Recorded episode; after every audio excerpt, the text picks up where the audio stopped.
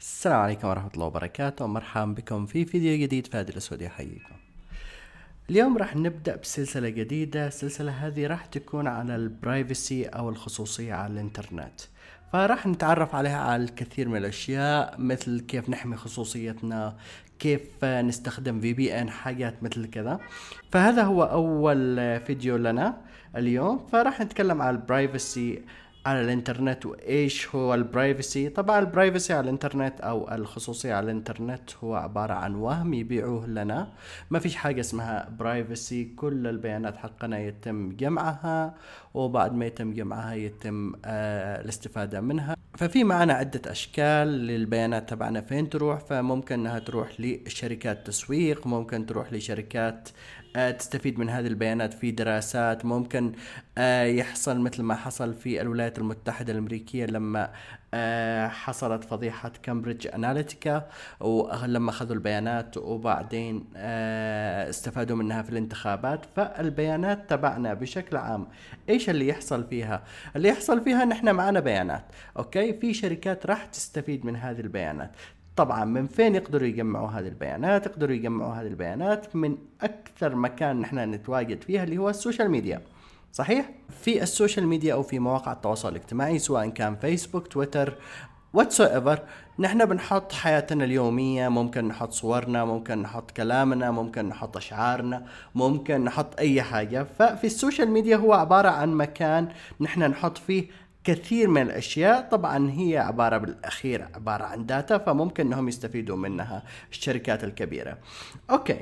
طبعا في حاجات كثيرة موجودة على الإنترنت فممكن الشركات تعرف عنك أي حاجة أنت تقدر تشتريها أو أي حاجة اشتريتها آه، أو أي حاجة أنت تحبها. طبعا بناء على البيانات تبعك فعلى سبيل المثال ممكن إنهم يعرفوا نوع النظارة اللي تحبها نوع العطر اللي تحبه. بناء على التصفح تبعك للمواقع والإعلانات الخاصة بالحاجات اللي تشتريها وكمان حاجات اللي اشتريتها من قبل.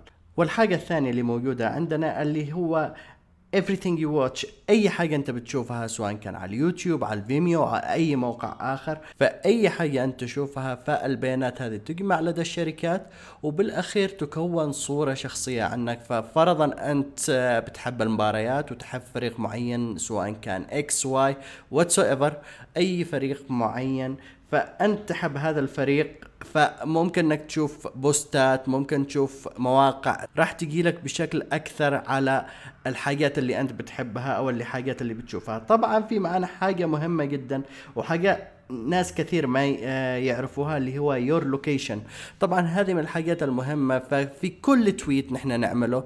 يمكن أن يتم تتبع ال location تبعنا أو المكان اللي عملنا ال tweet منه أو ال post سواء كان بالفيسبوك.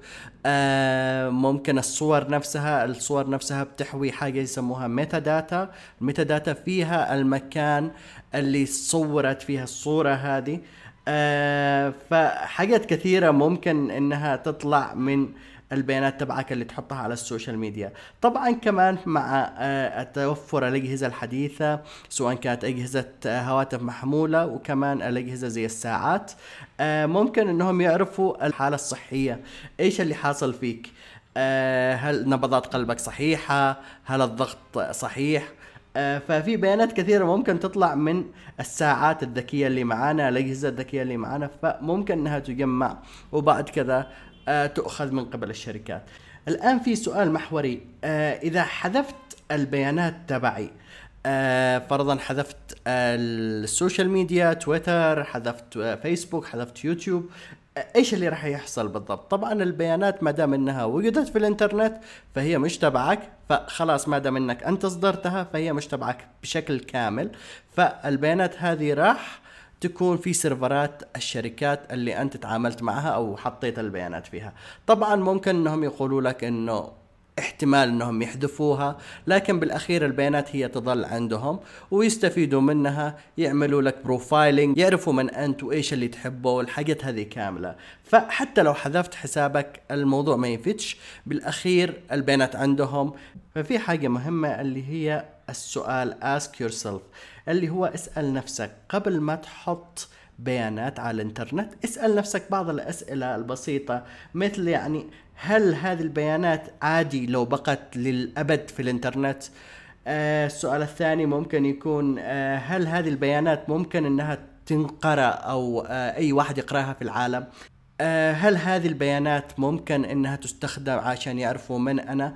فقبل ما تعمل نشر لبوست لمنشور لتغريدة فكر بهذه الأشياء. إيش البيانات اللي راح تحطها على الإنترنت؟ ففي الفيديو القادم إن شاء الله راح نتكلم على كيف ممكن نحمي أنفسنا آه، على الإنترنت وندخل آه، بشكل anonymous أو مجهول ونستخدم الإنترنت ونعرف إيش اللي ممكن نصلح فيه. فهذا هو فيديو اليوم امل أنكم تكونوا استفدتوا منه وإن شاء الله أشوفكم في فيديو قادم. thank you